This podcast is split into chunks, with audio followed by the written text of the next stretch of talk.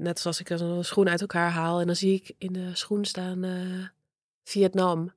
En dan denk ik van, oké, ik ga even op Google Earth kijken. Ja, dan zie je zo die aarde en dan zoom je in op Vietnam en dan ga je daarheen en dan denk je van, oh, daar zit dus een vrouw in een fabriek met al haar zorgen en haar vreugde, zit daar achter de naaimachine deze schoen te maken. En ik denk altijd van, één steek is een gedachte.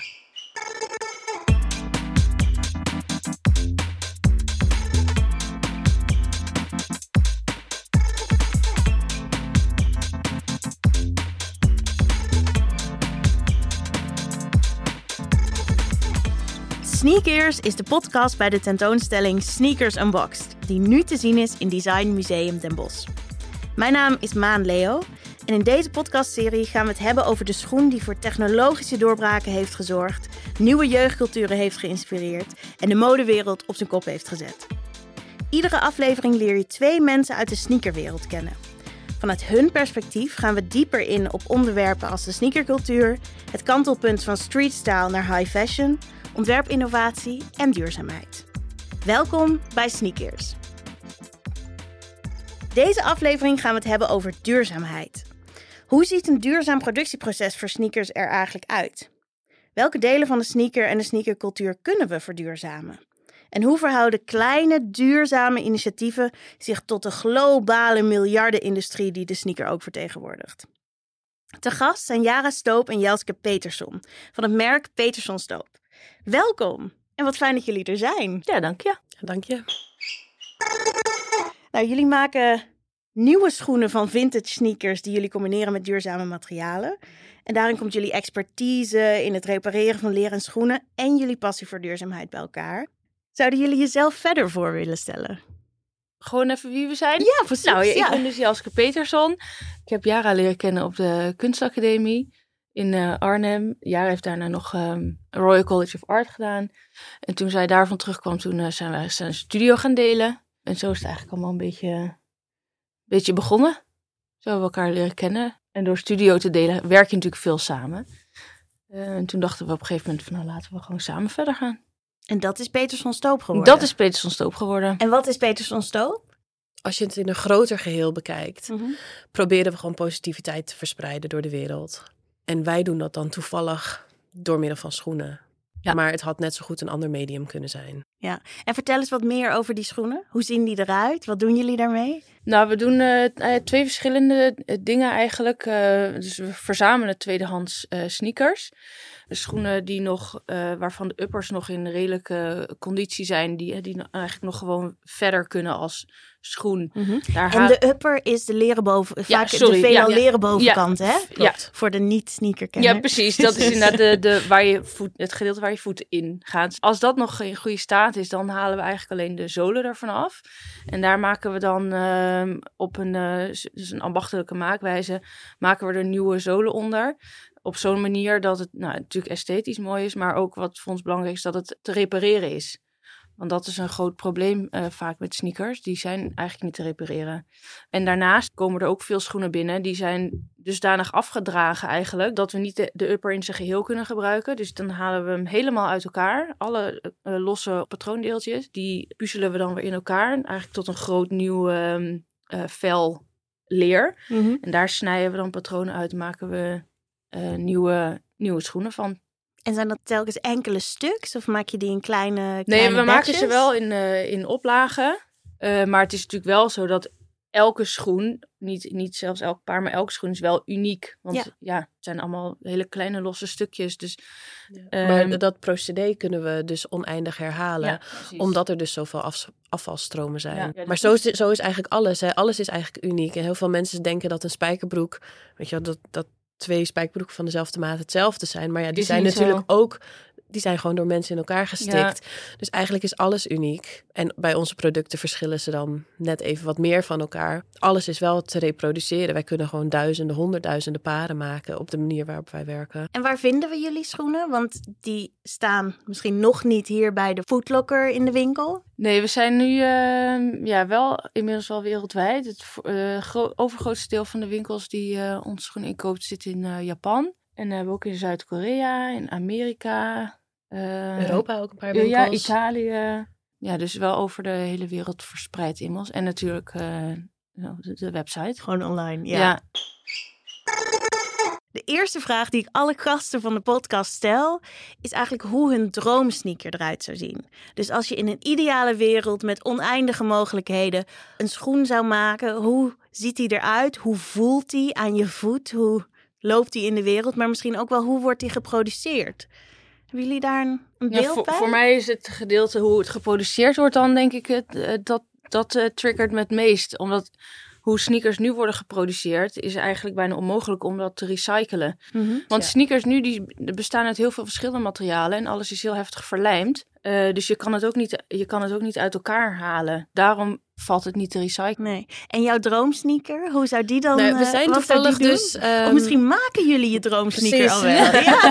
We hebben met ehm, Suzanne Oudehengel, zij is een eh, knitwear developer, ook een Nederlandse ehm, ontwerper.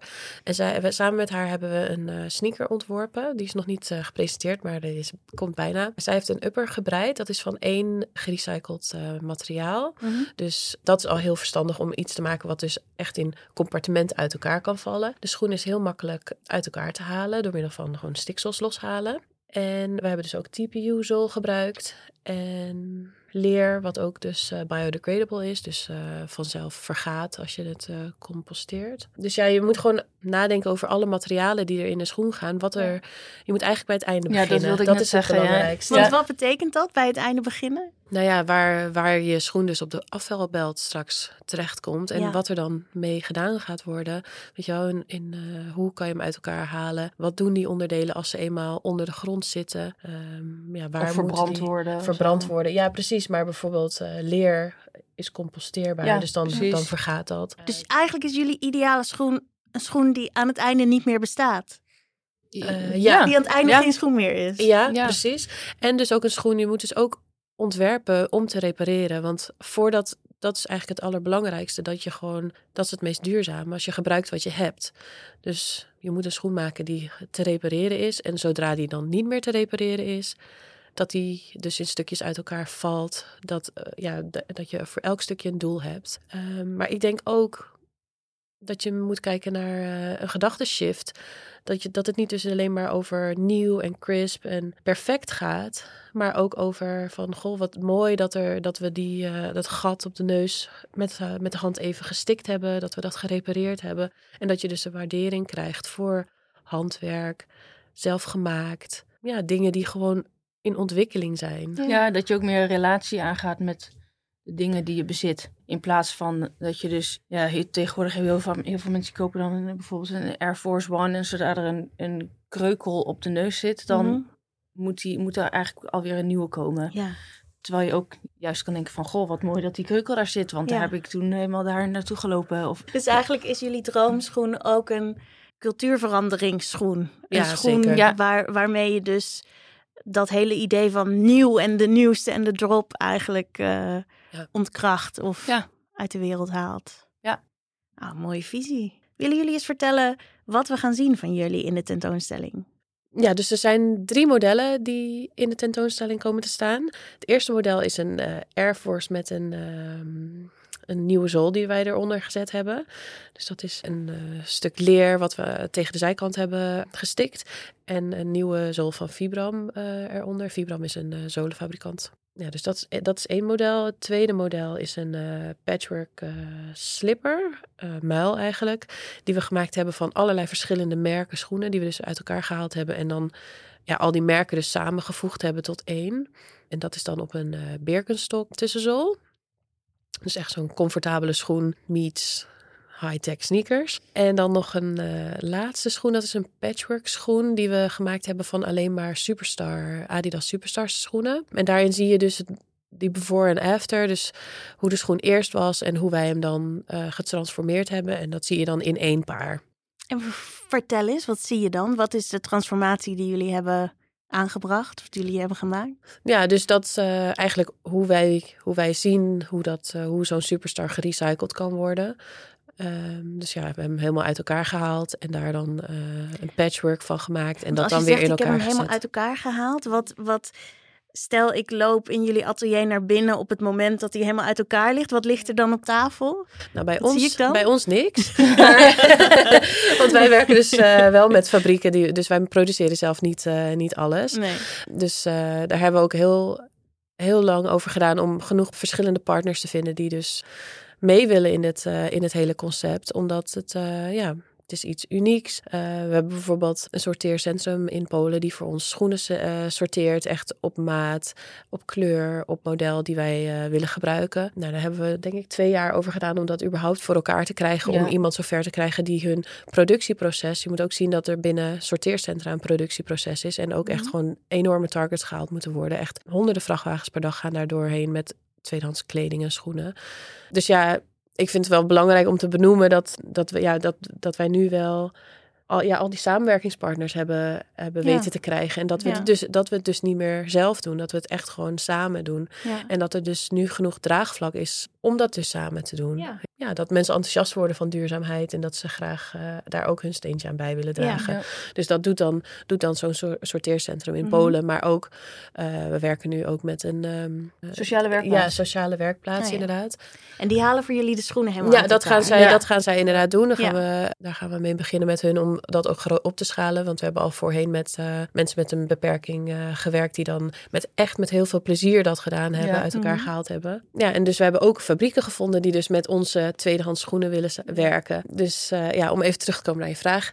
Bij ons in het atelier... before en after. Ja, precies. Dus bij ons in het atelier maken we dus alleen prototypes. Ja. Ja. Ehm, En hoe ziet dat er dan uit? Want daar, daar kwam de vraag eigenlijk Ja, vandaan. hè, Van wat, precies. wat zie je dan eigenlijk? Ja, dan zie je dus alle onderdelen eh, zoals het was voordat het in elkaar gezet werd. Ja. Dus wij, wij zijn letterlijk met een eh, chirurgische scalpel wordt dus zo'n schoen uit elkaar gehaald. Ehm, Dus mensen die nu luisteren, die Ja. eh, pak even je schoen erbij en ja, kijk even naar al die stiknaadjes. En dan zie je eigenlijk dat het allemaal hele kleine stukjes leer of stof zijn die aan elkaar genaaid zijn. ja, en dat Ja. halen wij los. Ja, Ja. precies. Ja. Ja, en dat, dat gaan we dan, oh ja, wat Jaske al zei, eh, in elkaar puzzelen tot een nieuwe, een nieuwe schoen. We zien natuurlijk de hele dag door schoenen. Aan de voeten van de mensen om ons heen, in de winkel, online. En we gaan nu schoenen laten zien in een museum. Wat eigenlijk een vreemde plek is om een schoen te zien. Denk je dat het een verschil maakt in de manier waarop, waarop we bijvoorbeeld naar jullie werk kijken? Wanneer het in een winkel ligt of in het museum ligt? Denk je dat we daar op een andere manier naar gaan kijken? Eh, nou, misschien dat je in een museum meer eh, ja, een gedachteverandering teweeg zou kunnen brengen. Omdat er ook misschien wat tekst en uitleg bij staat. En dat als je als bezoeker daar komt, dat je denkt van, oh ja, een schoen. Goh, oh ja, dat wordt ook gemaakt. Oh ja, dat is ook afval. Ja, misschien dat je op die manier als bezoeker van een museum anders naar een schoen kijkt dan als je het natuurlijk in een winkel ziet. Ja, want dat zijn voor jullie eigenlijk hele voor de hand liggende uitgangspunten. Hè? Een schoen wordt ontworpen, die wordt gemaakt door mensen. En. Ja. die heeft ook, nadat die niet meer aan jouw voeten zit, heeft die ook nog een leven. Ja. Maar ik denk dat veel mensen daar niet eens bij stilstaan. Dat die manier van kijken naar een schoen. Nee, maar de- ja, ja, dat vind ik dan zelf ook lastig om, om me dan te verplaatsen in iemand anders. Omdat ik dan denk van, natuurlijk, Ja. natuurlijk eh, Ja. dat er niet meer, dat er niet eh, meer musea zijn over, met schoenen. Toevallig Ja. gaan we dus straks naar het eh, Schoenenmuseum in Waalwijk, wat eh, op, eh, opnieuw eh, eh, opgericht is. Ja, Ehm, dus ja, voor ons is het gewoon heel normaal. Ehm, ja, ik zou niet anders willen. Schoenen zijn ook heel belangrijk voor de, ja, voor de cultuur. Eh, ik denk voor, voor bepaalde mensen ja, totaal niet. Maar voor andere mensen echt is- is het hun Mhm. leven. Weet je zoals Ja. verzamelaars Ja. of eh, ontwerpers. Of, ja. Nou, een van de dingen die ik heel interessant vind als ik lees over jullie werk of nadenk over jullie werk, is het idee van verschillende lagen. Dus in heel veel van jullie schoenen zie je echt verschillende lagen materialen over elkaar heen. Leer, stiksels, plastic, kurk, rubber. Mhm. Maar op de manier waarop jullie over je schoenen praten, gaat het ook vaak over betekenislagen. De betekenis van de eerste persoon die een schoen heeft gemaakt en vervolgens schoen die weer uit elkaar wordt gemaakt. Mhm. De lagen van dat je gezien hebt dat die gedragen is. Ja. Zou je daar eens meer over kunnen vertellen? Want dat is wel, dat is een, een beeld of een idee waar ik wel warm van werd. Ja, ik, ik zie het altijd zo. ehm, vroeger toen eh, Google Maps, eh, nee Google Earth net Mhm. bestond. Dat je dan zo, eh, ik, ben, ik, ik ben in Nieuw-Zeeland geboren. Dus dan ging ik op zoek naar waar ik vroeger gewoond heb in Nieuw-Zeeland. En dan dacht ik, oh dat, dat bestaat nog.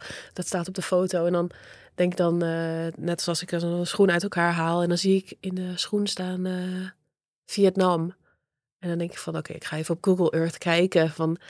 Hoe ziet dat er gewoon uit daar? Weet je Ja. wel? Dus dan, ja, dan zie je zo die aarde en dan zoom je in op Vietnam en dan ga je daarheen en dan denk je van, oh, er zit dus een vrouw in een fabriek met al haar zorgen, want we hebben allemaal zorgen Ja. en haar vreugde, zit daar achter de naaimachine deze schoen te maken. En ik denk altijd van één steek is een gedachte. Mensen zijn zo detached van, van ambacht en handwerk en persoonlijk, persoonlijk echt iets delen met Mhm. elkaar. Dus eh, ja, voor mij, dat raakt mij heel erg als ik dan gewoon bezig ben met een, een, ja, naar een schoen te kijken of het uit elkaar te halen. Ja, en dan zoom ik weer uit en dan hup, ga ik weer naar Nederland op Google Earth en dan zie ik ons en dan zitten wij daar eh, weer iets anders van te maken. En dan denk ik van, ja, voel ik me dan toch heel erg verbonden met die vrouw die daar Ja. die schoenen heeft gemaakt. Ja.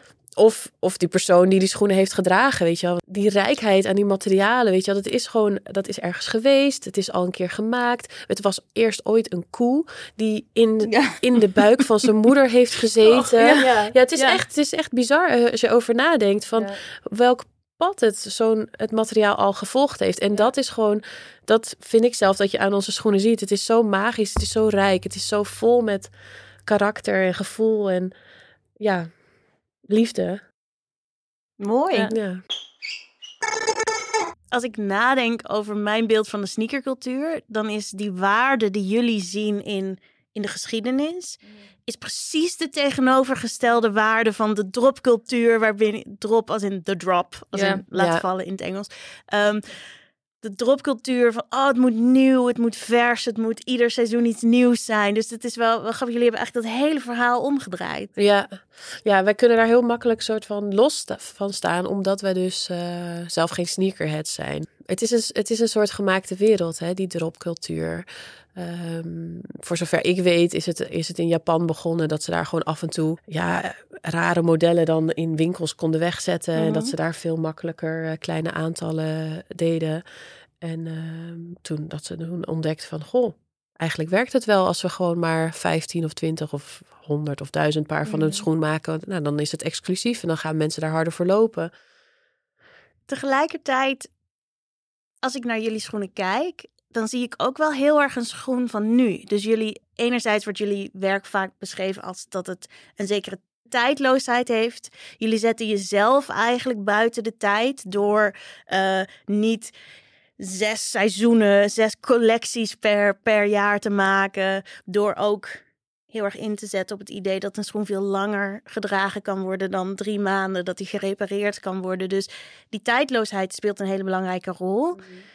Tegelijkertijd, als een schoen daadwerkelijk tijdloos, als bij wijze van spreken ook in de 15e eeuw had kunnen dragen, dan wil ik hem niet aan. Mhm. Weet je, hij moet comfortabel zijn, hij moet ook.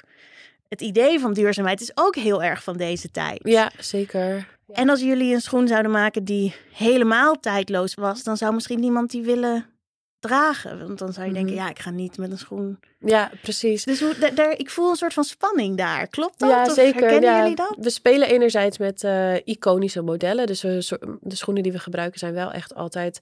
Hebben dus wel die historische belangrijkheid. Ze zijn Mhm. wel echt eh, ja, kenmerkend. Bijvoorbeeld Nike Cortez is eh, de eerste running shoe. Air Force One, weet je, dat is de eerste basketball shoe.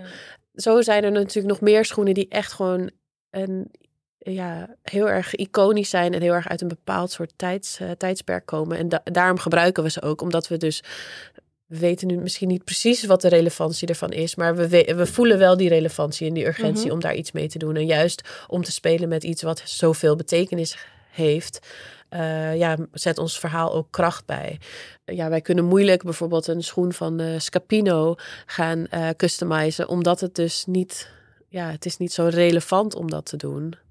Ehm, dus dat is wel heel belangrijk. En trouwens, wat ik nog even wilde vertellen, dat is wel, wel leuk. Ehm, dat, dat de schoenen die wij krijgen van ons, of kopen van het sorteercentrum, daar zit ook heel vaak nepschoenen bij. Echt. Nou, hoeveel procent zou je zeggen? 15 procent? Nee, of meer. Oh ja? Meer. Ja, ik denk dat het- Nou, dus, dus moet je nagaan hoeveel nep Nike Ja. schoenen er zijn. Ja. En ehm, die kunnen we dus ook niet gebruiken als een hele upper. Dus die halen we ook uit elkaar. En ligt die- het dan aan de kwaliteit of aan het feit dat die nep is? Dat het niet echt nee, is? het- ja, we willen wel echt gewoon eh, echte schoenen aan Ja. onze klanten verkopen. Omdat zij, zij kopen die schoenen ook omdat het... Ja, omdat het, ja, het is een Nike schoen, dus het heeft een bepaald statussymbool. Ja. En dat heeft een nep Nike schoen natuurlijk niet. Eh, en ja, mensen zien het gewoon. Ja, dus dat, Ja. dat, eh, dat doen we dan niet. Maar wat we wel doen, is we, we mixen wel die nepdelen door de patchworks. Dus eh, ook dan, eh, dus dat, dat vind ik ook nog wel een hele, ja, eigenlijk een grappige, humoristische laag die je dan ja, dat, dat doe je er wel dan doorheen. Dus, en dat zie je dan niet. En dan zijn wij dus meer aan het recyclen. Ja. En dan kunnen we dus toch, toch een doel gevonden voor die nepschoenen. Ja, dus dat vind ik heel mooi. En dat, dat dan nep en echt bij elkaar kunnen, naast elkaar kunnen bestaan. Mhm. Ja. Wanneer ik jullie hoor praten over jullie idee van duurzaamheid en hoe dat terugkomt in jullie werk, dan zit dat heel erg aan de productiekant. Hè? Dus ook als ik naar jullie website kijk, dan staat van ieder deel van de lijmen, van het garen, van de zool. Heb je precies verteld waar het vandaan komt, hoe je ermee omgaat, waarom je de keuzes maakt die je maakt. Mhm. En dat heb je compleet in de hand als ontwerper en als maker. Tegelijkertijd heb je de gebruikerskant, denk ik, helemaal niet in de hand. Misschien koopt iemand jullie schoenen wel inderdaad om ze twee weken te dragen. En Mhm. ziet hij dan een nieuw kreukeltje en denkt hij, oh nee, ik, ik doe ze weg. Hoe ga je daarmee om met die onzekerheid? Ik denk dat het ook een heel groot gedeelte is gewoon loslaten. We hebben eh, in 2015 ooit een keer een schoen ontworpen. Toen gingen we echt hardcore op ehm, sustainability. Ja, alles nou, toen kregen we echt een enorme deksel op ons neus. Ja, Eh, we gingen bij onze leveranciers vragen van... Goh, waar komt het leer vandaan? Van wat voor koeien is dat? Nou, geen reactie. Hoe, waar, hoe, van welke materialen is de lijm gemaakt? Of waar komt dat vandaan? Ook geen... geen Niemand wilde eh, iets vertellen. Niemand wilde iets delen met ons. Dus we hebben toen ook uiteindelijk zelf naar het textielmuseum... hebben we ehm, zelf Veters. veters, eh, ge- geweven... Omdat, eh, omdat we geen goede bio-veters konden vinden. Toen hebben we heel erg... probeerden we echt alles helemaal perfect alles te doen. moest helemaal 100% goed. Ja. Ehm, Aan de productiekant? aan de productiekant. Maar daarin hebben we dus ook geleerd van dat kan gewoon niet. Weet je, de wereld was er niet klaar voor. Eh, ons, de mensen, weet je, we doen het niet alleen. We moeten het met z'n allen doen. Weet je, onze leveranciers waren er niet klaar voor. Ze hadden de informatie zelf ook niet. En konden het niet delen. En zo is sustainability is gewoon een Goed journey. proces. En het is gewoon een proces. En zo moet je het gewoon. Iedereen heeft zijn eigen pad die die bewandelt. En zo bewandelen wij, zeg maar, meer. Zitten wij meer heavy on de productiekant.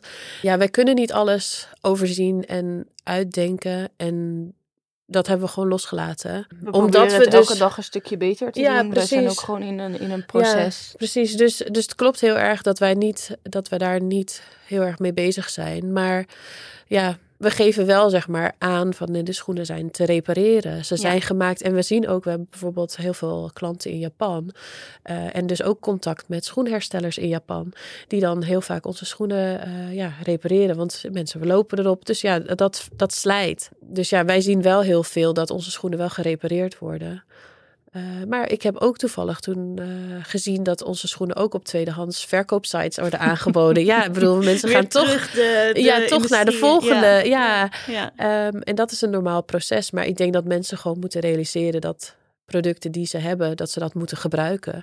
Weet je wel, ja, voor mij hoef je niet onze schoenen te kopen. Gebruik gewoon wat je hebt. Dat is het meest duurzame. Ja. Als, jij Ja. graag, als jij heel graag duurzaam wil zijn, dan is dat het duurzaamste. Dan moet je eigenlijk helemaal niks kopen. Ja, gewoon niks Ja. kopen. Gewoon Nou, gebruiken wat je hebt repareren wat je hebt en ja, koesteren. Dus je moet ook gewoon voordat je, ja, maar ook voordat je iets koopt, moet je gewoon nadenken van, eh, ja, heb ik het nodig? Maar gaat het ook mooi slijten? Eh, Hoe is de ontwikkeling straks van het product? Weet je Ja. als het van plastic gemaakt is, ja, dat gaat op een gegeven moment breken, want dat wordt moe en dan knakt het.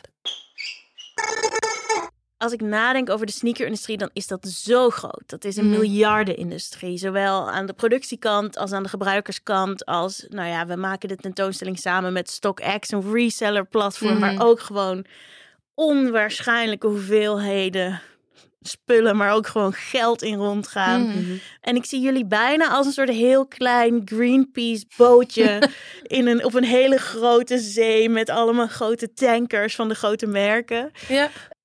Heb je het idee dat je die, dat je een soort systeemverandering kan eh, veroorzaken? Of is dat misschien helemaal niet de bedoeling? Hoe kijk je Ik, daarnaar? ik denk, ik denk dat, eh, dat de grote merken het lastigst kunnen veranderen. Omdat zij zijn allemaal... Ja, ze zitten zo vast in alles wat ze al eh, hebben afgesproken met hun leveranciers of met hun partners en met de stakeholders en met de directeuren. En, weet je wel, dus ja, het, de, de, de mensen die het kunnen veranderen zijn de nieuwe merken, weet je wel, Allbirds, Veja, Peetsel Stoop. Ehm, nee, maar ik bedoel, ja, het moet gewoon, er, moeten, er komen nieuwe dingen bij. Uh, en ik denk dat dat, dat, dat uh, de bedrijven zijn die uh, echt verandering gaan, gaan maken. En natuurlijk, weet je wel, Nike en Adidas, zij doen natuurlijk ook, ze hebben hun projecten. Mm -hmm. maar hun, de grootste, grootste afzetmarkt zijn gewoon schoenen die ja, gewoon niet duurzaam zijn, nee. kun je gewoon zeggen. Ja. Ja, ja. En zij kiezen er bewust voor om dat in stand te houden. Dus ja, dat is een keuze. Ja. ja. En kunnen jullie daar iets in betekenen? We hebben nu wel alles een beetje zo in de startblokken staan dat we ook echt daadwerkelijk kunnen groeien. Dus we kunnen in ieder geval iets met hun afvalstroom proberen te doen. Ja. ja. Uh, maar ja, en dan ja, of wij echt iets kunnen veranderen aan de, de gedachten van de directeur van Nike. Ja, denk het niet. Ik denk het niet. Nee, nee. nee. Maar misschien kan je wel heel langzaam met kleine stapjes iets veranderen aan de manier waarop, waarop we naar schoenen kijken. Dat, dat zou heel mooi zijn, ja. Toch? Als we weer teruggaan naar jullie droom, droomsneaker, mm. die eigenlijk niet alleen van zichzelf waarde heeft en aan het einde weer helemaal is opgegaan in de natuur, maar die ook een cultuurverandering uh, veroorzaakt. Ja, nou maar ja, dat is natuurlijk ook gewoon de bedoeling waarom we het, uh, waarom we het doen, omdat we een voorbeeld willen zijn. Um, ja, iedere schoen zou uh, ontworpen moeten worden om te repareren. Dat, dat, ja, je begint bij het einde. Weet je wel? En dan voorkom je dat het in de afvalstroom terechtkomt als, als je het kunt repareren. Weet je, je, Nike zou ook kunnen zeggen van, uh, oké, okay, nou, uh, zolen zijn beschikbaar om uh, te vervangen. Ja. Dat is een keuze. Zij maken die keuze niet. En die afweging, correct me if I'm wrong, is geld. Dus ja, maar goed, dat heeft natuurlijk ook, kijk, dat heeft natuurlijk, er zijn ook natuurlijk mensen heel erg afhankelijk van dat geld. Mensen die ook in Vietnam aan het werk moeten blijven. Waar die moeten ze anders met heen? Iedere... Ja, tuurlijk. Ja. Dus ik snap heel goed dat, dat het niet van de een op de andere dag, dat zij kunnen zeggen van, nou, nu gaan we het omgooien en, en het is wel 100% duurzaam. Uh, maar ja, goed, ja, stapje voor stapje. En dus ja, vertrouwen op de nieuwe merken die komen, die dus wel gewoon hun vanaf het begin van het bedrijf al uh, die waarde hebben. Dank jullie wel voor dit inspirerende gesprek. Oh, nou, jij bedankt. Heel fijn. Nee, ik vond het echt een leuk gesprek. Ja, ja verfrissend leuk. Jara, Jelske, heel erg bedankt voor dit mooie gesprek. Dit was de eerste aflevering van Sneakers, de podcast van Design Museum Den Bosch. De tentoonstelling Sneakers Unboxed is te zien van 3 mei tot 16 oktober. Wil je meer van onze podcast horen? Abonneer je dan in Apple Podcasts of op Spotify. Wil je meer weten over de tentoonstelling? Neem dan eens een kijkje op de derde verdieping, het online platform waar we de thema's van onze tentoonstellingen nog verder uitdiepen. Je vindt de derde verdieping op designmuseum.nl. Mijn grote dank gaat uit naar Judith Meinders en Sander Bergwerf van Outcast, de studio waar we deze podcast opnemen. Onze jingle werd gemaakt door Jelle Meeuwse van We Hear You. De productie van deze podcast wordt verzorgd door Jente van der Wijngaard. De tentoonstelling Sneakers Unboxed is een samenwerking met het Design Museum in Londen en StockX en wordt mede mogelijk gemaakt door het Prins Bernhard Cultuurfonds Noord-Brabant. Tot de volgende aflevering.